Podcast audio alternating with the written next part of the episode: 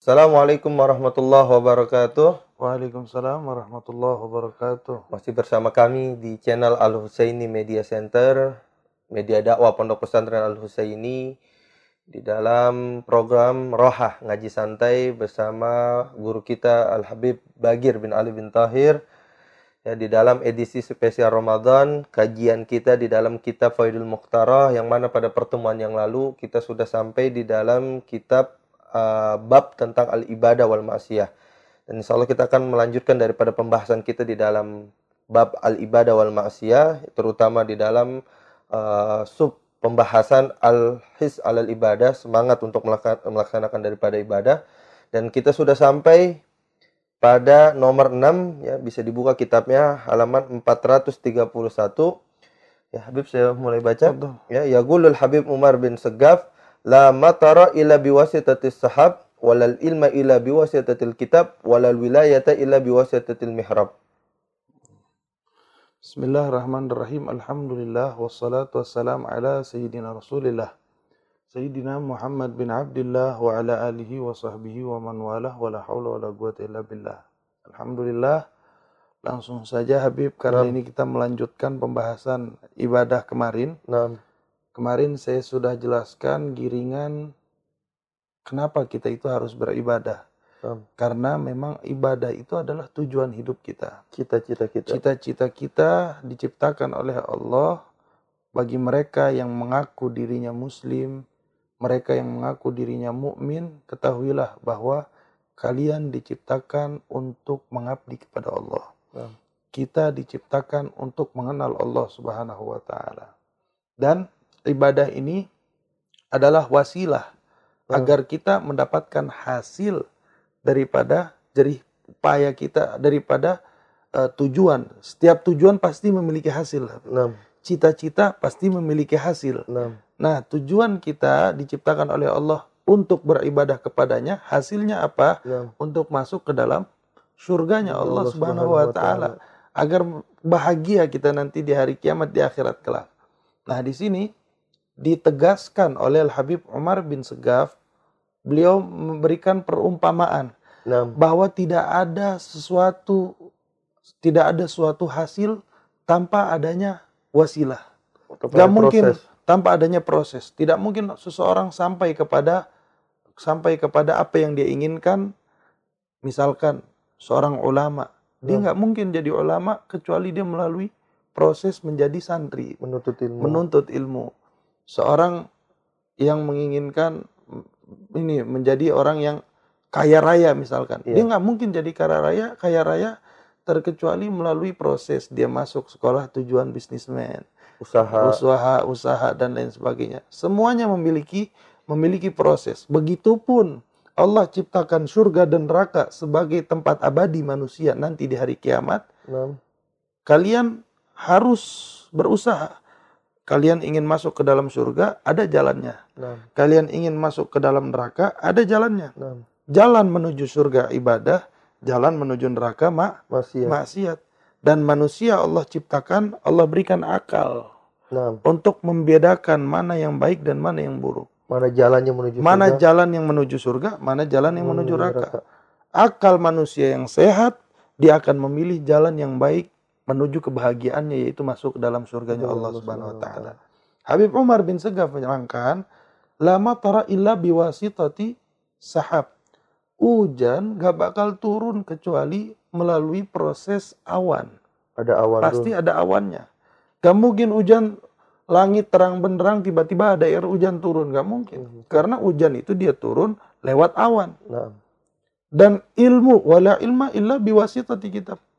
Kalian gak bakal dapetin ilmu terkecuali melalui ki kitab. Belajar. Terkecuali melalui belajar.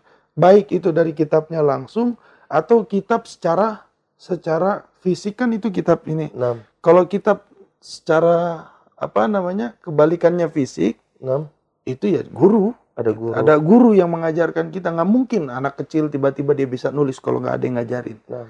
Nggak mungkin anak kecil tiba-tiba bisa baca tanpa melalui guru yang mengajarkan. Nah.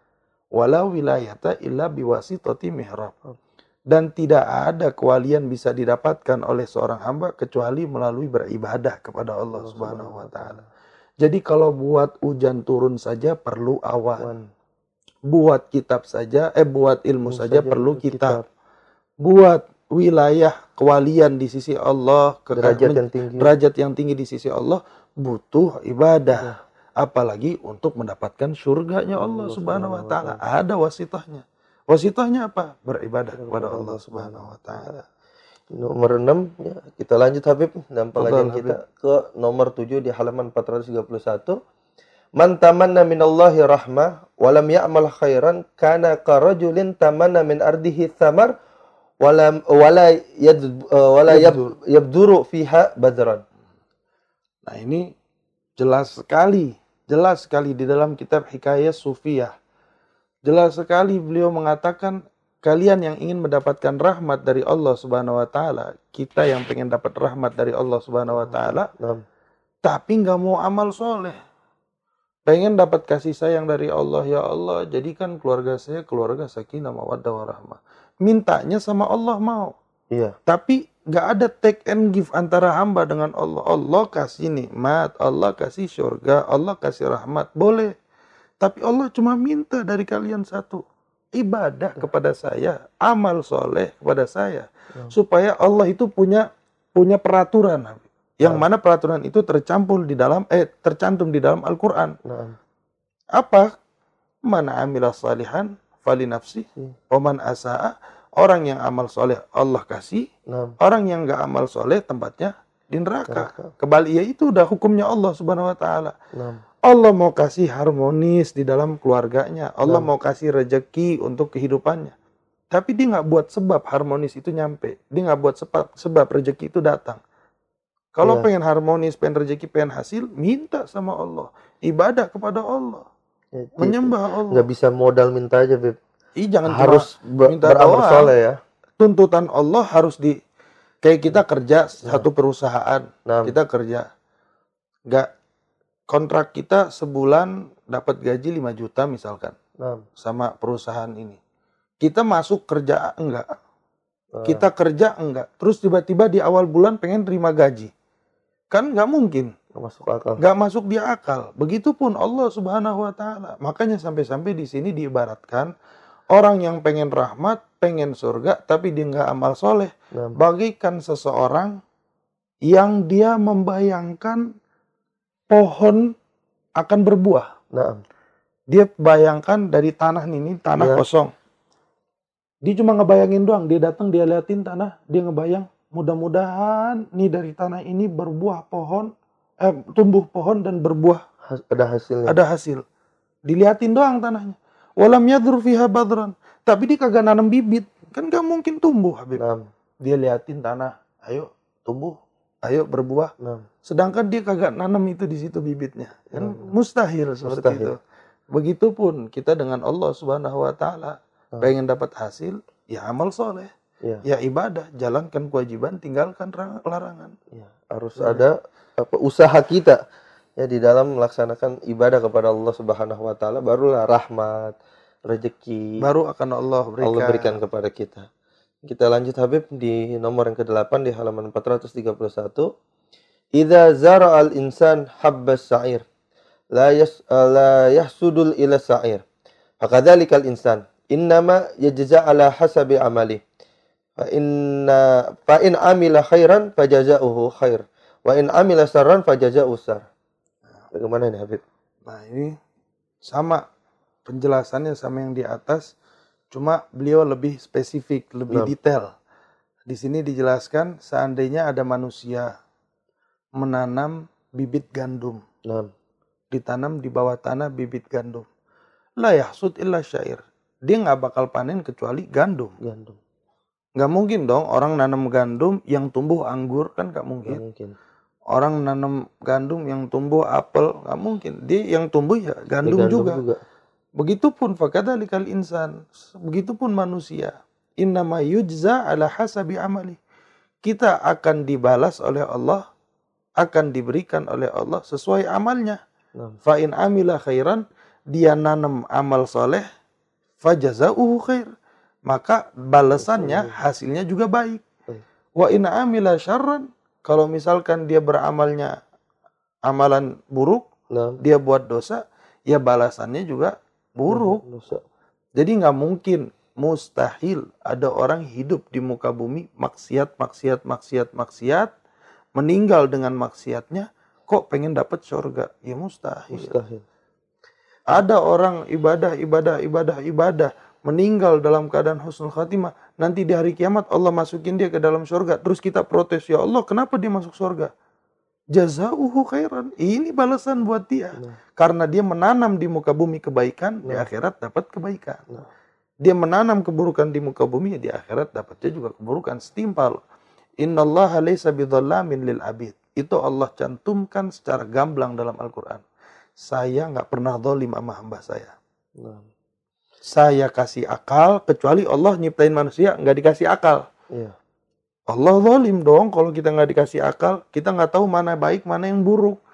Tapi Allah kasih akal. Nah, Dan Allah nggak pernah zalim. Kalau kalian buat kebaikan, surga tempatnya. nah, Kalian buat keburukan, neraka tempatnya. Sebagaimana yang Allah katakan di dalam uh, di dalam Al-Quran surat Az-Zalzalah. nah. Di akhir ayatnya itu Habib, fa amma man fa amma man ya'mal mithqala dzarratin khairan khairan yarah wa amma man ya'mal mithqala dzarratin. Kalian amal soleh, Allah akan ganjar. Ya. Kalian amal buruk, Allah akan ganjar ya. dengan keburukan. Sedikit sebiji darah Allah nggak ya. zalim. Zarrah itu, itu artinya kalau orang-orang dulu, orang dulu itu zarrah ini adalah sesuatu yang paling kecil. Orang dulu menurut mereka yang kecil adalah biji sawi.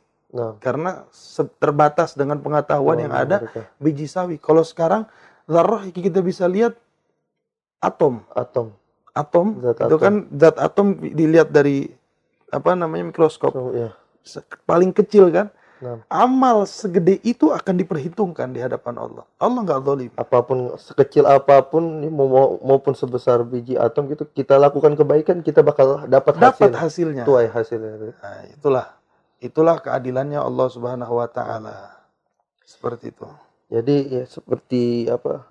Para ulama juga suka mengatakan ya Bib, ya al jaza min jinsil amal ya. Ya, sesuai dengan amalnya. Harus sesuai amal yang nggak mungkin ya. Tadi kita nanam eh, apa? eh, Gandum. di- gandum ya hasilnya juga gandum. Hmm. Kalau kita nanam kebaikan hasil kebaikan. Tapi kalau kita nanam keburukan bakal bakal juga kita tuai keburukan. Pasti sesuai semuanya sesuai. Jadi itu merupakan bisa dikatakan tapi sunnatullah. Sunnatullah itu sudah prinsipnya Allah.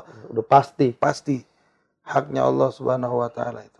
Jadi ya jangan sekali-kali mungkin ya buat kita sebagai seorang manusia ya menanam sesuatu yang buruk ya mungkin nanti kita bakal tuai hasil yang buruk Habib. Betul. Mungkin ini pertemuan kita pada kali hari ini ya di uh, dalam kajian kita di Kitab Faidul Mukhtarah kita udah membahas poin nomor 6, nomor 7, nomor 8. Insyaallah kita akan bertemu di pertemuan yang akan datang. Kurang lebihnya mohon maaf. Assalamualaikum warahmatullahi wabarakatuh. Waalaikumsalam warahmatullahi wabarakatuh.